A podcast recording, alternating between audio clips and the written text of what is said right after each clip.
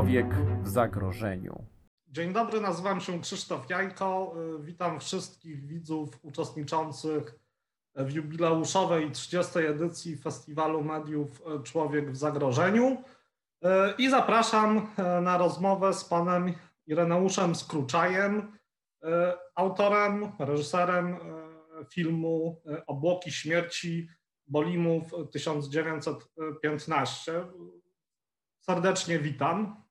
Dzień dobry.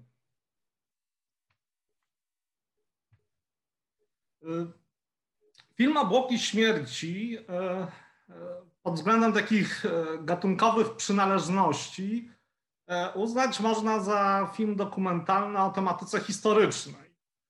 Ale ta sucha formułka tak naprawdę nie oddaje tego, co widzimy, co widzieliśmy i co widzowie widzieli na ekranie, bo tutaj oprócz tego bardzo dobrego opracowania merytorycznego, wypowiedzi specjalistów, wielu materiałów archiwalnych, tak naprawdę wielkie wrażenie chyba na każdym widzu robią uzupełniające te wszystkie części filmu sekwencje inscenizowane z udziałem aktorów, w których odtwarza pan realia walki w okopach w czasie I wojny światowej, a szczególnie chodzi tutaj o bestialstwo związane z użyciem gazów bojowych przez armię niemiecką.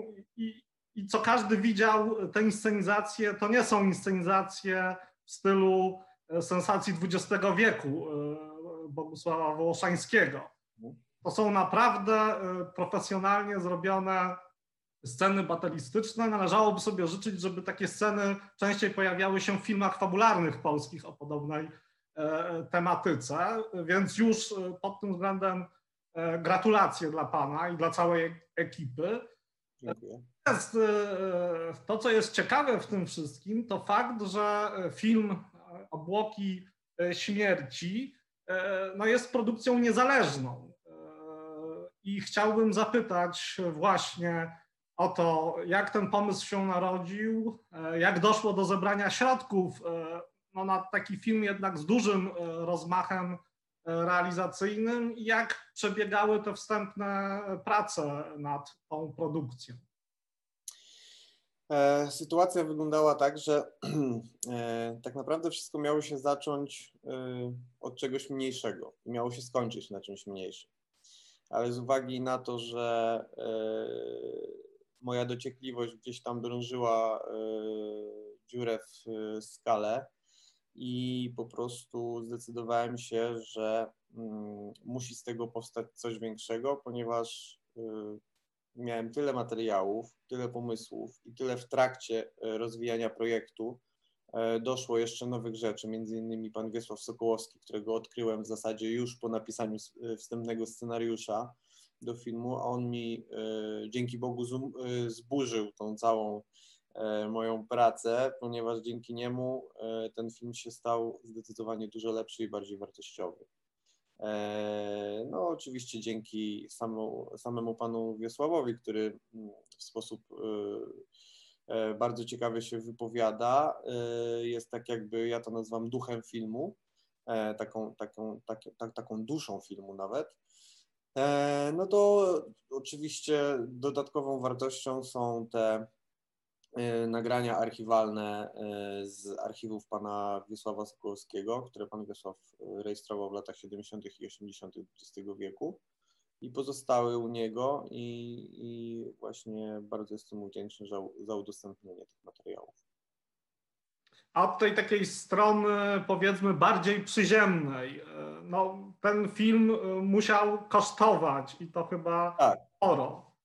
Tak, y, wie pan, tak, to była taka sytuacja, że głównie mogę to otwarcie powiedzieć, że wydałem wszystkie oszczędności mojego życia na ten film, ponieważ tak bardzo wierzyłem w ten projekt, że to jakby jest żadną tajemnicą.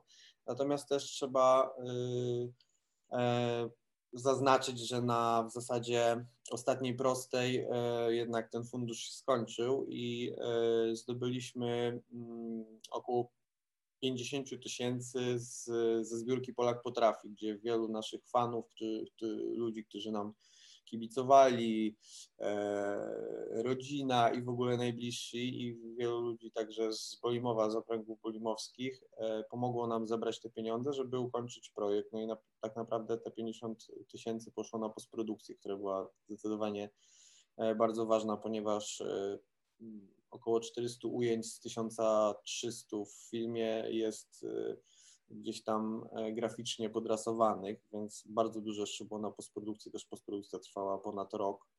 E, a dlaczego trwała realizacja praktycznie 5 lat? Znaczy w zasadzie całość trwała 5 lat, czyli realizacja powiedzmy trwała 3,5-4 roku, dla, 4 lata. Dlaczego? No ponieważ właśnie wszystko się rozchodziło o pieniądze i musiałem E, po prostu gromadzić środki na kolejne sceny, ale też e, bardzo długo zajęło przeglądanie archiwów e, i szukanie w ogóle fotografii, tematyki. Często fotografie nie pokrywały się z prawdą, ponieważ były źle opisane, albo jakieś takie sytuacje wynikały w tych archiwach, że musiałem dociekać, sprawdzać ich wiarygodność. Natomiast bardzo chciałem też podziękować y, National Archives z Ameryki, ponieważ oni nie wzięli licencji, y, jakby funduszy za licencję, pieniędzy za licencję, tylko podarowali mi swoje materiały w bardzo dobrej jakości e, na rzecz y, pamięci po prostu. Jestem im bardzo za to bardzo wdzięczny i od nich mam najwięcej materiałów, które wylądowały w filmie właśnie i e, no i tak jakby to jest cała droga ta mm, materialna, że tak powiem, ta przyziemna.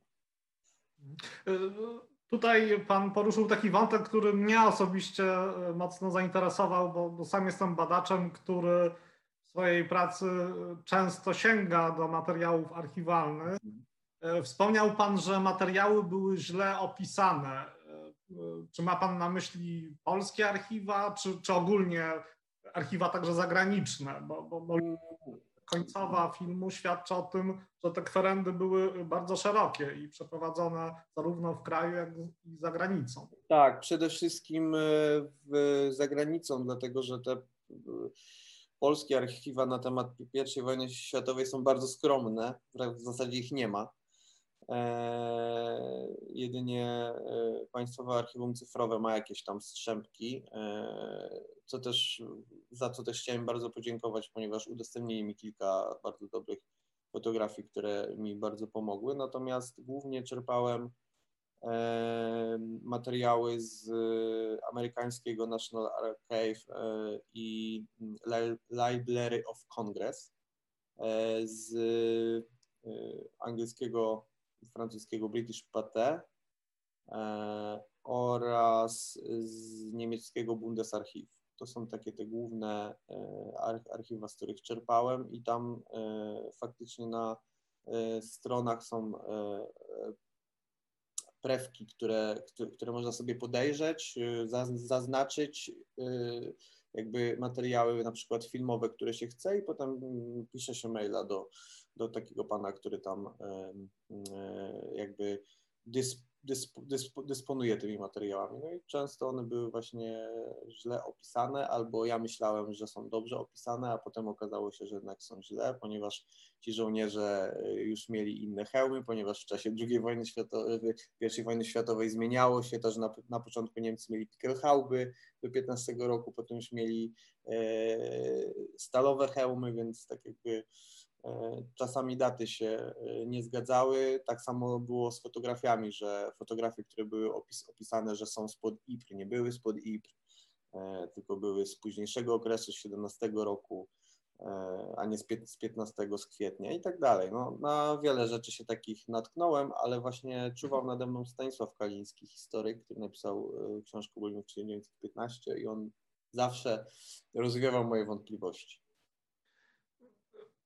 Tutaj też, jeżeli chodzi o te materiały archiwalne, pojawia się takie pytanie, e, czy to rzeczywiście e, są e, filmy, zdjęcia, które dotyczą tej konkretnej bitwy, czy, czy jednak tam są wstawione materiały, które ogólnie pochodzą z tego okresu? Bo, bo, bo często pan w tych sekwencjach inscenizowanych bardzo świetnie zresztą ze sobą montuje materiały archiwalne i, i te aktorskie, żeby oddać ogrom e, zniszczeń i w ogóle chaos tej walki. Jak to wygląda? E, generalnie właśnie cała struktura, konstrukcja filmu polega na tym, że udało nam się wraz oczywiście z montażystą, któremu bardzo chciałem podziękować za to, że pomógł mi to w ten sposób ułożyć, że tak jakby dobrać te proporcje, żeby nie było ani za dużo y, fabuły, ani za dużo dokumentu, a przede wszystkim tego dokumentu, żeby, żeby ten film się nie ciągnął, tylko żeby po prostu e, szedł równo z akcją, z rozwojem napięcia, gdyż tak jakby staraliśmy się, żeby to napięcie przez cały film rosło do końca i, no i wydaje mi się, że nam się udało. E, Potwierdzam. Tak. Natomiast y, druga część pytania jaka była, przepraszam. Bo... E, chodzi o to, czy rzeczywiście te materiały archiwalne, które widzimy, no, dotyczą konkretnie tak. tego, tych bitew, czy, czy to jest tak, że to są ogólnie materiały z tego okresu? No, tak. E, czegoś w archiwach to znam to uczucie, że się znalazło materiał, który dotyczy akurat problemu, który mnie interesuje. Tak, wie pan co to jest. w sytuacji pan miał? Mhm. Y, generalnie y, na przykład wszystkie fotografie y, Fritza Habera wiadomo, że pochodzą z, z tego okresu i głównie właśnie starałem się, kiedy mówiliśmy o jego początkach kariery, dawać faktycznie fotografie z, z, z jego młodszych lat. Oczywiście no, na pewno nie mogę powiedzieć, że to była dokładnie fotografia na przykład z 1908, kiedy on miał tam 30 lat, czy tam 20 kilka. Natomiast, e, e, ale to się mniej więcej pokrywa. E, wszystkie opowieści o wojnie i te, takich, takich, że tak powiem, randomowych y, ujęć, czyli takich, y, gdzie opowiadamy generalnie ogólnie o I wojnie światowej, no to faktycznie tam stosowaliśmy różne zabiegi montażowe i tak, i tak dalej. Natomiast są to zdjęcia z tego okresu faktycznie, tylko niekoniecznie spod Bolimowa, bo spod Bolimowa w zasadzie materiałów wideo nie było. No właśnie o to mi chodzi. Czy mhm. w tych archiwach zachował się mhm. jakikolwiek ślad y, po tej bitwie? No bo wymowa tego filmu trochę taka jest, że przywraca się E, znaczenie tej bitwy e, i na nowo. zastanawiam, e, czy ona na takim poziomie materialnym też gdzieś się zachowała. Jeżeli chodzi o materiały wideo, to nie, niestety, ponieważ siłą rzeczy nie było tam materiału wideo. Natomiast jeżeli chodzi o materiały fotograficzne, to można, mogę śmiało powiedzieć, że w 95% tak, czyli wszystkie te e, fotografie e, zagazowanych żołnierzy, te takie dosyć e, ciężkie i, i, i brutalne tak, tak naprawdę, mm, pochodzą dokładnie z Podbolimowa, to są fotografie zdobyte z rosyjskich archiwów, z niemieckich archiwów, też ze zbiorów własnych Stanisława Kalińskiego, który bardzo skrupulatnie zawsze i rzeczowo podchodził do tego, żeby y, te fotografie gromadzić, więc w zasadzie głównie y, dzięki niemu mam te wszystkie wspaniałe fotografie, które są potwierdzone y, tak jakby historycznie, że to są spod Bolimowa, ponieważ Stanisław gdzieś tam nawet na e, stronach w zasadzie głównie zagranicznych kupował te fotografie, gdzie one gdzieś, gdzieś tam się pojawiały. No i po prostu było napisane, że Wola Szydłowiecka lub Humin w niemieckim jakimś właśnie tam e, języku lub rosyjskim. Ale rozumiem, że od początku jednak była taka koncepcja, że niezależnie od tego, do ilu materiałów pan dotrze, to te inscenizowane sceny będą w tym filmie obecne. Tak, dlatego że y, jakby te sceny y, tak jakby pomogły y, ja przynajmniej oczekiwałem, że pomogą widzowi zrozumieć bardziej i wyobrazić sobie, co to była wojna pozycyjna i okopowa, prawda? No bo same... I poczuć to. I poczuć przede, przede wszystkim, tak, bo tak naprawdę no, yy, ja sam jak zaczynałem przy, przygodę z tym tematem, to też mi było ciężko sobie wyobrazić, no ale po co oni wybiegali z tych okopów i co robili dalej i jak. I w końcu zacząłem sobie to wszystko yy, wyobrażać poprzez oczywiście literaturę, poprzez rozmowy z ekspertami, yy, poprzez przebywanie na inscenizacjach wcześniej takich typowo rekonstrukcyjnych, gdzie widziałem mniej więcej jak to mogło wyglądać, jak to wyglądało, bo głównie te filmy, przepraszam, te filmy z okresu I wojny światowej są inscenizowane też, że tam rzadko kiedy były filmowane prawdziwe ataki, tylko było dobrze, to teraz biegniemy, no i oni biegli. E, no i tam głównie często właśnie bez bagnetów, bez takich pod, podstawowych rzeczy, gdzie zawsze to jednak w tym okresie to się gdzieś tam cechowało, e, na przykład natarciem na pozycję wroga.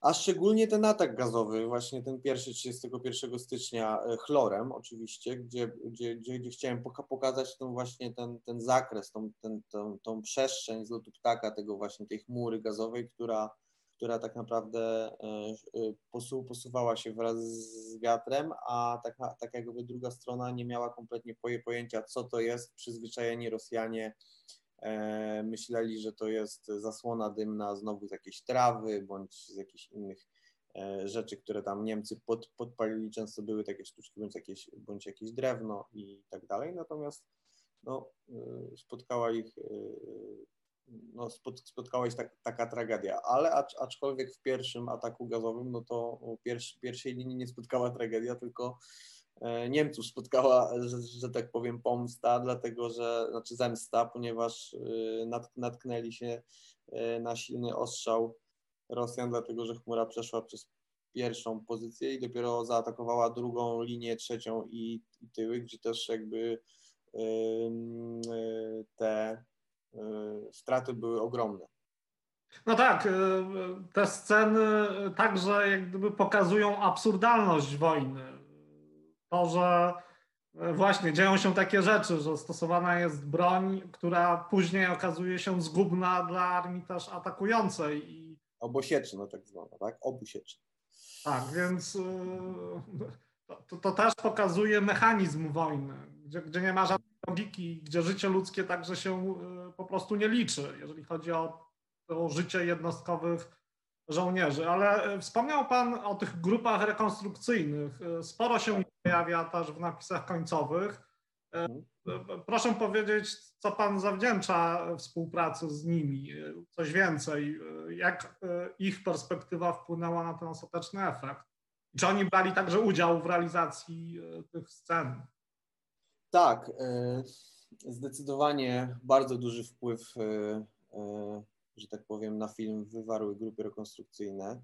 Z tego względu, że kiedy jeszcze mm, byłem tak jakby z pozycji obserwatora na rekonstrukcjach pod Bolimowem, które działały w, w, w uprzednich latach, po prostu wyobrażałem sobie, że czy to nie jest dobry pomysł, aby wziąć grupy rekonstrukcyjne do filmu. I okazało się to bardzo dobrym pomysłem.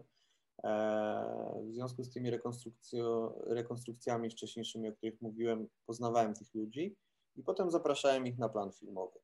I e, miałem tą przewagę nad e, tak jakby statystami, dobieraniem do statystów wszystkich strojów i tak dalej, że ci ludzie to po prostu zajawkowicze, którzy bardzo chętnie przyjadą na plan, bo to jest dla nich kolejna przygoda taka jak na rekonstrukcji. Wiedzą jak się ubrać, mają swoje stroje, doskonale wiedzą jak trzymać broń, jak się dostosować do sytuacji, ponieważ nieraz odgrywali e, rolę e, sylwetki żołnierza e, pierwszowojennego.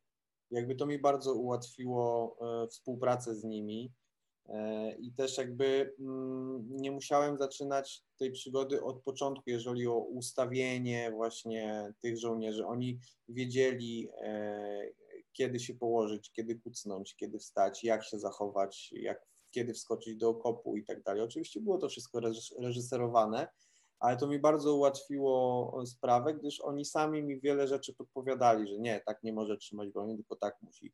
E, jakiś tam E, oficer musi wydać tak jakby rozkaz e, wyjścia z okopu i tak dalej. Więc miałem takie fajne podpowiedzi z ich strony. Oczywiście dwóch dwóch głównych bohaterów filmu, czyli Artur Student, który grał żo żołnierza Ślązaka i ze strony rosyjskiej jeszcze mm, był Piotr Dymecki i Piotr Moskwa ze, ze strony niemieckiej, czyli w zasadzie trzech było tych głównych bohaterów Polaków w armii rosyjskiej niemieckiej, e, którzy odgry, odgrywali, no to, to, są, to nie są aktorzy, to są, to są rekonstruktorzy, którzy bardzo poczuli, wcielili się e, w, w ten klimat, ten wojenny, a też jakby no na pewno im pomogły te wcześniejsze swoje dokonania, ale na przykład e, moim zdaniem u tych trzech panów można by powiedzieć, że nieskromnie odkryłem talent aktorski naprawdę trzeba przyznać, że wiarygodnie w tych scenach wyglądają, a nigdy nie mieli, naprawdę nigdy nie mieli do czynienia z aktorstwem, to był ich pierwszy raz. No tak, rzeczywiście e, świetnie odtwarzają rolę żołnierzy pogrążonych w wirze wojny. Mhm. Ogólnie z tego, co Pan mówi, wynika, że ten film e, jest taką produkcją grupy pasjonatów ludzi. Na to wygląda, zdecydowanie, ponieważ y, teraz jakby mówiliśmy od strony aktorskiej, teraz powiem od strony produkcyjnej bardziej. No właśnie, chciałem o to dopytać, bo mhm. pan o tej scenie chociażby rozpylania gazu, y, no tak. zrobienie takich rzeczy i fakt, że postprodukcja trwała tak długo i napisy końcowe znowu tutaj wskazują, że brało wiele, wiele osób w tym, żeby ten efekt ostateczny wyglądał tak, jak wygląda. Tak, więc yy, no, ja byłem, jestem producentem tego, tego filmu, więc jakby tak, tak naprawdę wszystko na mojej głowie było, ale dzięki temu, że byłem w branży dużo, dużo wcześniej, ponieważ tak jakby zawodowo y, jestem y, montażystą filmowym i telewizyjnym, więc jakby znałem branżę, poznawałem ciągle i poznaję nowych ludzi i w związku z tym udało mi się zebrać przez to bardzo fajną ekipę też młodych ludzi, którzy też poznają innych ludzi i chcą jakby w tym środowisku zaistnieć i też chcą budować portfolio. I głównie właśnie o to chodzi, że wow, robisz film e, wojenny, to jest coś nie, niecodziennego, szczególnie dla niedoświadczonego filmowca, który jest zdolny, ale jeszcze nie ma takiego bogatego portfolio. Wielu ludzi bardzo chciało uczestniczyć na pewno dlatego w tym projekcie, ale też z uwagi na to, że ja uważam, że coś, coś, coś wyżej, coś więcej, coś bardziej takiego duchowego panowało nad, nad tym projektem i, i coraz większą bardzo e, grupę bardzo fajnych ludzi, pasjonatów pochłaniało. No też jakby um, każdy, kto słyszał tylko historię o tym, że pierwszy raz właśnie w historii użycie gazu, że Fritz Haber, że ta mroczna wizualna strona tego wszystkiego i puści Polacy po obu stronach frontu w nie swojej sprawie, E, co jest clue filmu w zasadzie. E, tak jakby na, jak to Marlo mawiał, na dnie duszy wroga jest e, również miłosierdzie. Czyli tak jakby to, co się stało w drugim ataku gazowym, jak Niemcy weszli do okopów rosyjskich i zobaczyli zagazowanego przeciwnika, no to stało się coś, co nie powinno się stać tak, tak naprawdę w, w, w, no, w normalnym świecie, gdy, gdy, gdyby to był normalny przebieg e, wojny, że ci, którzy przez 7 miesięcy e, wcześniej strzelali do tych, e, do przeciwnika, do Rosjan, teraz nagle zaczęli nieść im pomoc. No, więc wydarzenie tak jakby na skalę światową jak dla mnie. No tak. Przechodzimy teraz do tej części, powiedzmy, i słusznie, że Pan chyba mnie nakierował e, na taką rozmowę, ale chciałem na początku jednak e, porozmawiać o tych kwestiach czysto realizacyjnych, bo Dobrze, jasne. ten film robi wrażenie. Robi wrażenie. Mhm. Ja, gdy pierwszy raz go zobaczyłem, przecierałem oczy trochę ze zdumieniem. Coś to miłe. takiego powstało, a gdy się dowiedziałem, że to jest produkcja tak naprawdę niezależna, tym bardziej byłem zdumiony. E, więc e, oczywiście e, wartość tego filmu oczywiście nie sprowadza się tylko do tego, że on jest dobrze zrobiony i że są w nim te sceny batalistyczne, ale także do tego, jak pan podchodzi do, do tematu tych bitew pod Bolimowem. Bo, bo to nie jest tylko taki suchy wykład z zakresu historii politycznej, tego, jakie znaczenie użycie gazów miało dla dziejów I wojny światowej, dla jej przebiegu.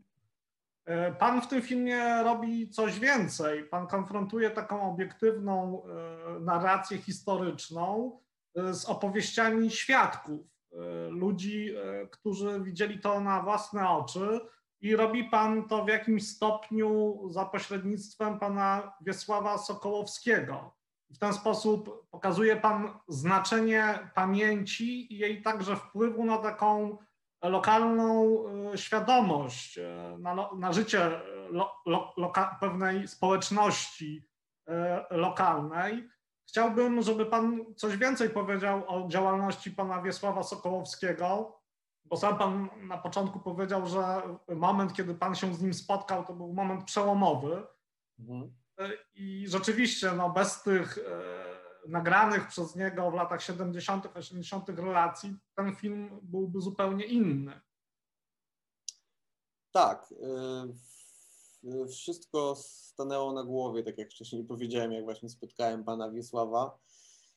Ja sobie to tłumaczę tak, że właśnie pan Wiesław y, jest protoplastą tak naprawdę tego, co tej pamięci o tym ataku gazowym podpolimowym i ofiarach jego. I dobrze, że on kiedyś idąc właśnie przez Puszczę Bolimowską, szukając inspiracji, tak jak właśnie opowiadał, natknął się na ten cmentarz zagazowanych bardzo go to dotknęło, zainspirowało, ale oczywiście nie wiedział, że to jest cmentarz na początku. No więc yy, po niedługim czasie wybrał się jeszcze raz w te okolice i zaczął e, nawiedzać okolicznych mieszkańców i dopytywać. No i w ten sposób zgłębiał wiedzę. Natomiast potem e, natknął się na książkę Marlowe Łazarz, gdzie e, światowej sławy pisarz E, Marlo opisuje atak gazowy pod Bolgakko, tak nazywa, i też tam myli datę, jakby świadomie bądź, bądź nieświadomie, bo tam jest 1916, ale pisze o gazach, atakach gazowych nad Wisłą, a, a ataków gazowych nad Wisłą w 1916 roku nie było. Natomiast były w 1915, więc jakby tutaj jest sytuacja. Skąd Marlo wziął E, inspirację do napisania Łazarza i tych pierwszych 50 stron, które są w pełni e, przeznaczone bitwie pod Bolimowem, pod Bolgakko, tak jakby jak nazywa to Łazarz, e, dotarł do dzienników Maxa Wilda, też naszego bohatera i tego oficera niemieckiego, który prowadził Fritza Hebera, był jego adiutantem podczas jego przechadzek po polu i obserwacji zagazowanych żołnierzy rosyjskich. Jakby stąd Marlo czerpał inspirację, bo dotarłem do tego właśnie skąd on to wiedział, skąd on w ogóle napisał, skąd wytrzasnął Bulgakko. No i właśnie stąd. I też jakby oprócz tego dotarłem do pobocznych notatek Maxa Wilda, który też swoje jakby po latach, w latach 30. już opisywał te tak jakby nieludzkie z piekła rodem e, apokaliptyczne wydarzenia, które się jakby działy na tych ziemiach bulimowskich. Mm, więc no, pan, pan jest lokalnym patriotą, nawet nie lokalnym, on jest patriotą lokalnym, ale też a poetą, że tak powiem, wszechpolskim. Może mało ludzi go zna, ponieważ artyści niektórzy nie lubią się chwalić swoją, swoją twór, twór, twórczością, ale jest to na pewno wielki człowiek, któremu bardzo dużo zawdzięczam i e, jeszcze bardziej za to, że jest to człowiek nieufny, ponieważ w czasach komunistycznych był bardzo mm, prześladowany przez aparat e, komunistyczny wraz z tym, że nawet grożono mu śmiercią, ale to były takie czasy. E, przetrwał to i, i mi zaufał i bardzo mu za to dziękuję i dzięki niemu też ten film jakby zyskał właśnie tą duszę, o, o, o której mówiłem, ponieważ sam Wiesław i jego nagrania są duszą, a też e, historia zatoczyła pewne koło, że tak jakby praca pana Wisława nie poszła na marne, gdyż on zapoczątkował to, a ja to zamykam teraz razem z nim w roli głównej. No tak, to, to, to jest jak gdyby piękna część tego filmu, mhm. że pan tematyzuje e, ten problem, o którym Pan mówił, bo, bo widzimy, że on włącza ten magnetofon szpulowy, razem z nim e, e, tych nagrań słuchamy, a z drugiej strony on także dodaje swój jednak osobisty Komentarz. Mhm. komentarz, e, Mhm. bardzo e, chwilami celny. Bardzo celny i bardzo taki e, trafiający, że, że ja zawsze jak słuchałem e, tej wypowiedzi po drugim ataku gazowym, że, że tak naprawdę właśnie wojsko ma gdzieś, e, gdzieś ludzi i, i, i, i, to właśnie liczy się, liczy się cel, liczy się to, co, co ma być oś, osiągnięte. Nieważne, na wojnie nieważni są ludzie, ludzie są najmniej ważni na wojnie i to jest takie clue właśnie tego i tego bezsensu, że tak powiem, już brzydko powiem, idiotyzmu każdej wojny. No tak, on wprost mówi, że na wojnie nie ma etyki. Tak, no, no nie ma. To w takich kategoriach. moralność y, na wojnie można sobie schować do kieszeni. Ale z drugiej strony, o czym Pan wspomniał, e, Pan jednak chyba w jakimś stopniu kontruje tę wypowiedź. Jednak tutaj jakieś światełko nadziei. e, Oczywiście. Bo Gdybyśmy nie mieli tego światełka nadziei, to w ogóle bez sensu by było walczyć o jakiekolwiek racje, swoje ideologie, y, bądź y, jakieś. No, y, mimo, mimo tego, że człowiek tak, tak naprawdę, y, ja to tak postrzegam, że człowiek jest taką istotą, która y, nieuchronnie jakby podąża do samozniszczenia, bo na tym polega trochę świat i na tym polegają te wojny. wojny. Jak człowiek za, za, za dużo jakby jest w maraźmie, tym takim e, na przykładzie dzisiejszym, że już dawno nie mieliśmy wojny, tak? Takiej światowej oczywiście, bo wojenki są e, e, w różnych częściach e, świata. Natomiast teraz niektórzy mówią, że jest pandemia, jest cicha wojna i tak dalej, że jakby jeżeli człowiek żyje za dużo w dobrobycie, to jest oczywiście moja teoria, ale jeżeli człowiek żyje za dużo w dobrobycie, popada w taki marazm i potem coś złego e, zaczyna wisieć w powietrzu, że e, konflikt gdzieś e, z, tego, z tych trzewi człowieka wych- wychodzi i pró- próbuje zło po prostu wyjść na światło dzienne i znowu zawładnąć i znowu człowiek musi przejść przez, e, przez te meandry historii tego, co już setki, tysiące razy było, to już było przerobione. Wszystkie te ideologie, ideologie były, tylko teraz one nabierają y, przemiany trochę jak ten nasz COVID, nasz wirus, który się mutuje cały czas. No to jest dla mnie taka, taka śmieszna, takie, taka, y, takie zapędzanie się w takim kołowrotku jak, jak chomik trochę. Historia właśnie tak moim zdaniem wygląda, że warto czerpać inspiracje z historii, interesować się, gdyż tam jest zawarta cała prawda. I teraz my nie odkryjemy koła na nowo. Po prostu to się wszystko powtarza, tylko z nowinkami technicznymi, ponieważ czas idzie do przodu. No zresztą e, to jest wpisane w konstrukcję tego filmu, bo ta część e, poświęcona historii bitew e, w okolicach Bolimowa tak naprawdę zamknięta jest w taką ramę narracyjną, gdzie pan pokazuje kolejne rozdziały tej historii. To znaczy, że broń chemiczna, no przecież e, jej wykorzystanie nie skończyło się wraz z I wojną światową i to cały czas powraca. Ostatnio w najbardziej tragiczny sposób w czasie e, wojny domowej w Syrii. Tak, niestety. Mhm. Mam takie pytanie, e, jak Pan wspomniał, żyjemy teraz pandemią, e, uważamy, że e, wirusy to jest to zagrożenie, ale czy pracując nad tym filmem natrafił Pan na jakieś informacje, które mogłyby wskazywać, że odwołując się do nazwy nawet naszego festiwalu, istnieje Mhm. realne zagrożenie, że ta historia może się powtórzyć i że te e, substancje chemiczne mogą być wykorzystane przeciwko nam, ludziom. Tak nas w Europie, tej, e, która żyje w tym jednak e, spokoju. Mhm. Uważam, że może być wykorzystany, ale w jakiś sprytny sposób. Oczywiście nie chcę tutaj, e, wie pan, dodawać jakichś e, spisków.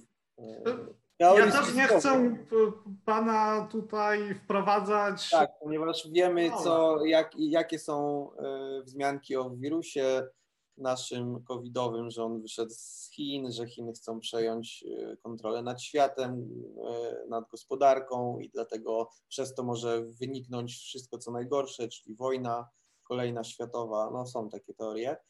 Mm, natomiast jeżeli broń chemiczna bądź biologiczna, bo teraz to niekoniecznie musi być broń, broń no tak. chemiczna, bo, bo, to jest takie barbarzyńskie i, i, tanie, że tak powiem, na dzisiejsze czasy jakby próba e, e, walki taką bronią. E, dlaczego mówię tania? czy, czy, czy taka barbarzyńska, ponieważ no, jakby 100 lat temu uży, używano tego samego chloru, co używano teraz w bombach beczkowych w Syrii, więc nic się nie zmieniło, no tylko sposób dostarczenia tego gazu do ludzi, to jeszcze na cywilów, na domy, na dzieci e, został inny, a reszta się nie zmieniła. E, wydaje mi się, że odpowiadając do końca na Pana pytanie, może to się potoczyć bardziej, jeżeli chodzi o właśnie wojnę biologiczną niż chemiczną i w, jakimś, w jakiś inteligentny sposób. Yy, inteligentny sp sposób typu właśnie powiedzmy Chiny rozpylają na cały świat bakterie, pod, którym, yy, pod, pod którą podpisują się, ale to jest taka, mówię, moja os, oso, osobista, nie sądzę, żeby, żeby sta, stanęły militarne, wie pan, od, oddziały na granicy, nie wiem, niemiecko-polskiej i Niemcy puszczą na nas e, jakiś śmier śmiercionośny gazu, bo to nie te, nie te czasy, teraz się inaczej prowadzi wojna. Mhm.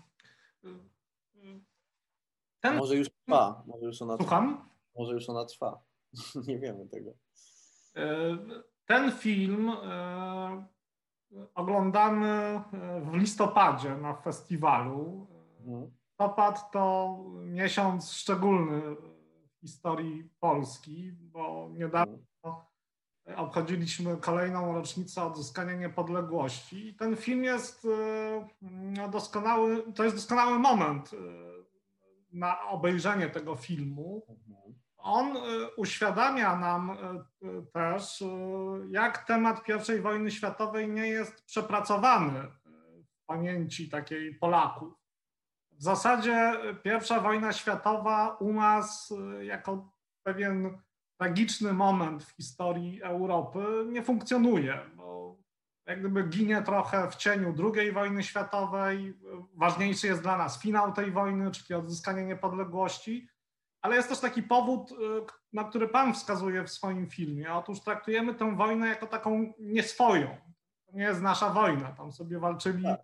zaborcy, y, a tak naprawdę e, okazuje się, że to była jednak wojna polska i, i nawet bardziej tragiczna prawdopodobnie niż druga wojna światowa, bo tam naprzeciwko siebie stawali Polacy.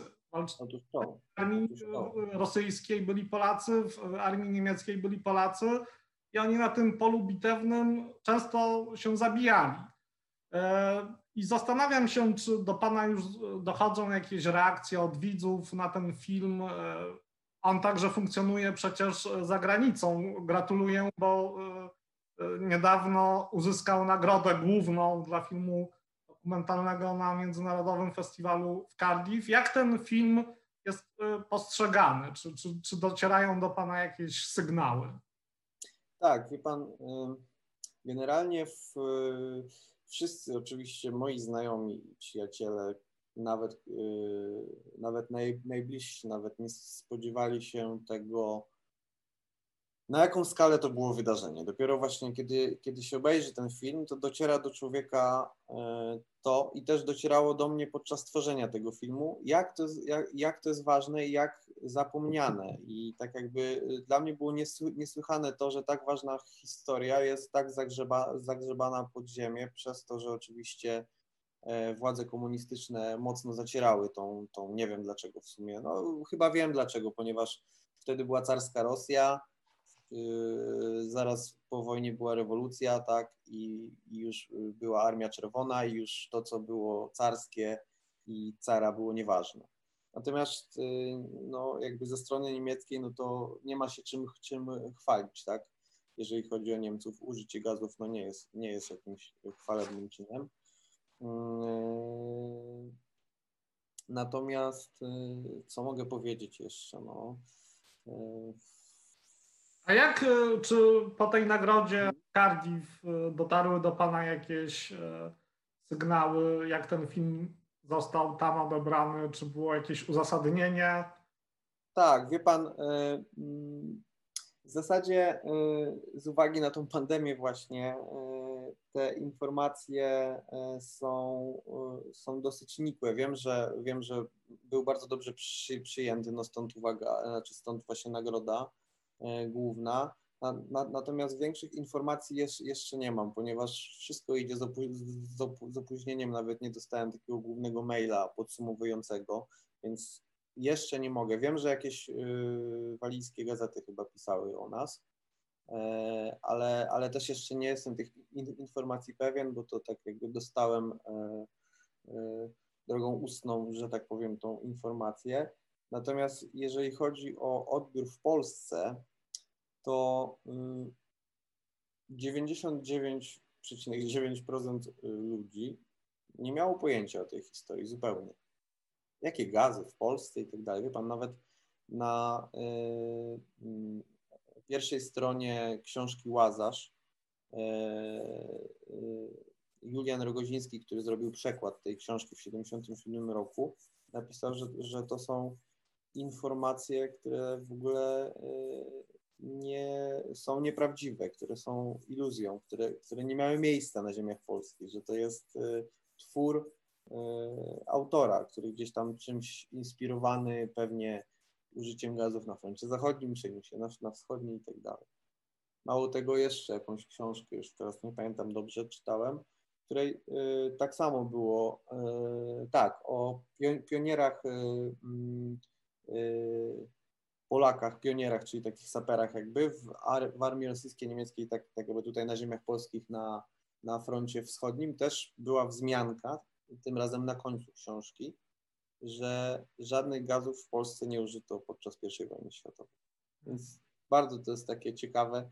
Przyznam szczerze, że nie do końca jestem w stanie panu odpowiedzieć na py pytanie, dlaczego tak się, tak się działo. No na pewno, że, że żelazna kurtyna, na pewno to, że były inne ważne rzeczy a, y, a też z uwagi na to, że u nas tak jakby kultywowanie historii zaczyna się od 1918 roku, od odzyskania niepodległości, a wcześniej nie było tej historii. Znaczy, tak jakby jest taka ta wyrwa właśnie, w której e, e, tak jakby Polski nie było. Okej, okay, Polski nie było, ale ci ludzie tam byli, tak? Ci ludzie żyli.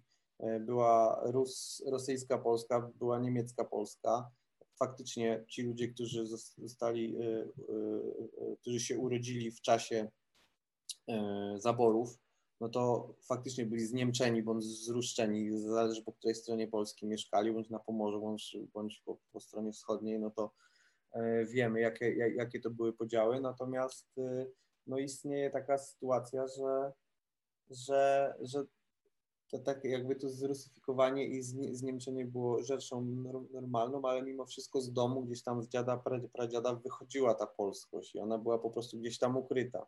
Jednym, dla jednych to było wygodne, dla, dla drugich nie. Jedni, ci, którzy się bardziej stawiali, no to mieli gorzej, no bo po co psuć coś, co jest już gotowe i po co burzyć mury, które są ok. Ale w momencie zagrożenia, gdy ci ludzie stawali często w obliczu śmierci, posługiwali się polską mową i to często prowadziło do tych paradoksalnych sytuacji wzajemnej, pomimo tego, że walczyli po przeciwnych stronach. Ja tak dopytuję o odbiór tego filmu y, na tym festiwalu w Cardiff, bo wydaje mi się, że on paradoksalnie może mieć większy potencjał, jeżeli chodzi o oddziaływanie za granicą. Bo, tak. bo pierwsza wojna światowa, nazywana przecież Wielką Wojną, Wielką Wojną, to jest y, trauma za, za, Zachodu, e, nie raczej Europy Środkowo-Wschodniej. Trauma Zachodu i ten film e, wydaje mi się, że rzeczywiście może e, trafić lepiej do, do widzów zagranicznych, czego oczywiście panu i, i całej ekipie życzę. Jeszcze takie pytanie, może na koniec, bo, bo, bo zbliżamy się do końca tej rozmowy. E, e, i ze względu na metraż, y, i ze względu na chociażby ten rozmach realizacyjny, no ten film idealnie pasuje do tego, żeby być rozpowszechnianym w kinach, bo, bo myślę, że dopiero gdy obejrzy się go w kinie na dużym ekranie, to te wszystkie walory wychodzą w, w pełni. Y, Czy w ogóle istnieje taka szansa? No, sytuacja jest szczególna, zdają sobie z tego sprawę. Nie wiemy, jak się potoczą w ogóle losy kina jako instytucji, ale czy są jakieś plany związane z tym, żeby ten film był w przyszłości rozpowszechniany w kinach? Czy też może on jednak będzie rozpowszechniany jakoś drogą internetową? Chodzi mi o to, czy więcej ludzi, Polaków szczególnie, będzie mogło ten film obejrzeć. E, Tak, y, już y, tak jakby mogę się pochwalić śmiało dystrybutorem, który, z którym współpracuję od kilku miesięcy, Best Film. E, Mam tam wspaniałą ekipę, e, szczególnie e, Izę Wierzbińską, którą serdecznie pozdrawiam. E, Ona mi bardzo pomaga w promocji e, teraz i zamierzamy mm, przy odrobinie szczęścia, jeżeli pandemia zalży, E, Być może na wiosnę, e, być może kwiecień, być może maj e, chcemy wprowadzić e, film do kin, zdecydowanie. E, No a potem drogą klasyczną, wiadomo, telewizja, internet, tak? Ale głównym naszym teraz założeniem i jakby promocją jest dążenie do tego, żeby, żeby film e, mm, e, poszedł e, do kin. E, Mało tego, już od października miał być w kinach, natomiast z uwagi na przewidzenie tego, co się może stać i to się stało i przewidzieliśmy to bardzo trafnie e, z Best Filmem, e, przełożyliśmy mm, tą premierę kinową na wiosnę i oby, oby coś się zmieniło i obyśmy uzyskali jakiś dobry wynik w oglądalności, żeby ludzie przestali się y, bać chodzić do kina, no to jest podstawa żeby było bezpiecznie. Wiemy, że film jest już nagradzany y, za granicą y, nawet. Y, Zobaczymy, jak poradzi sobie on w bojach o nagrodę główną Festiwalu Mediów Człowiek w Zagrożeniu. Ja życzę powodzenia i kibicuję filmowi Obłoki Śmierci. Mam także nadzieję, że będzie mi dane ponownie go obejrzeć w kinie e, na dużym e, ekranie.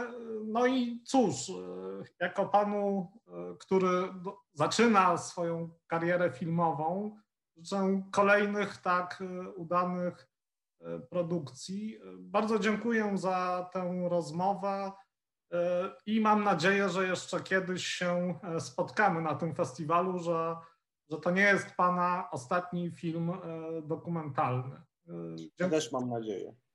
Może dokumentalny, może fabularny, zobaczymy co będzie dalej. Nie przywiązuję się tylko do, do dokumentów.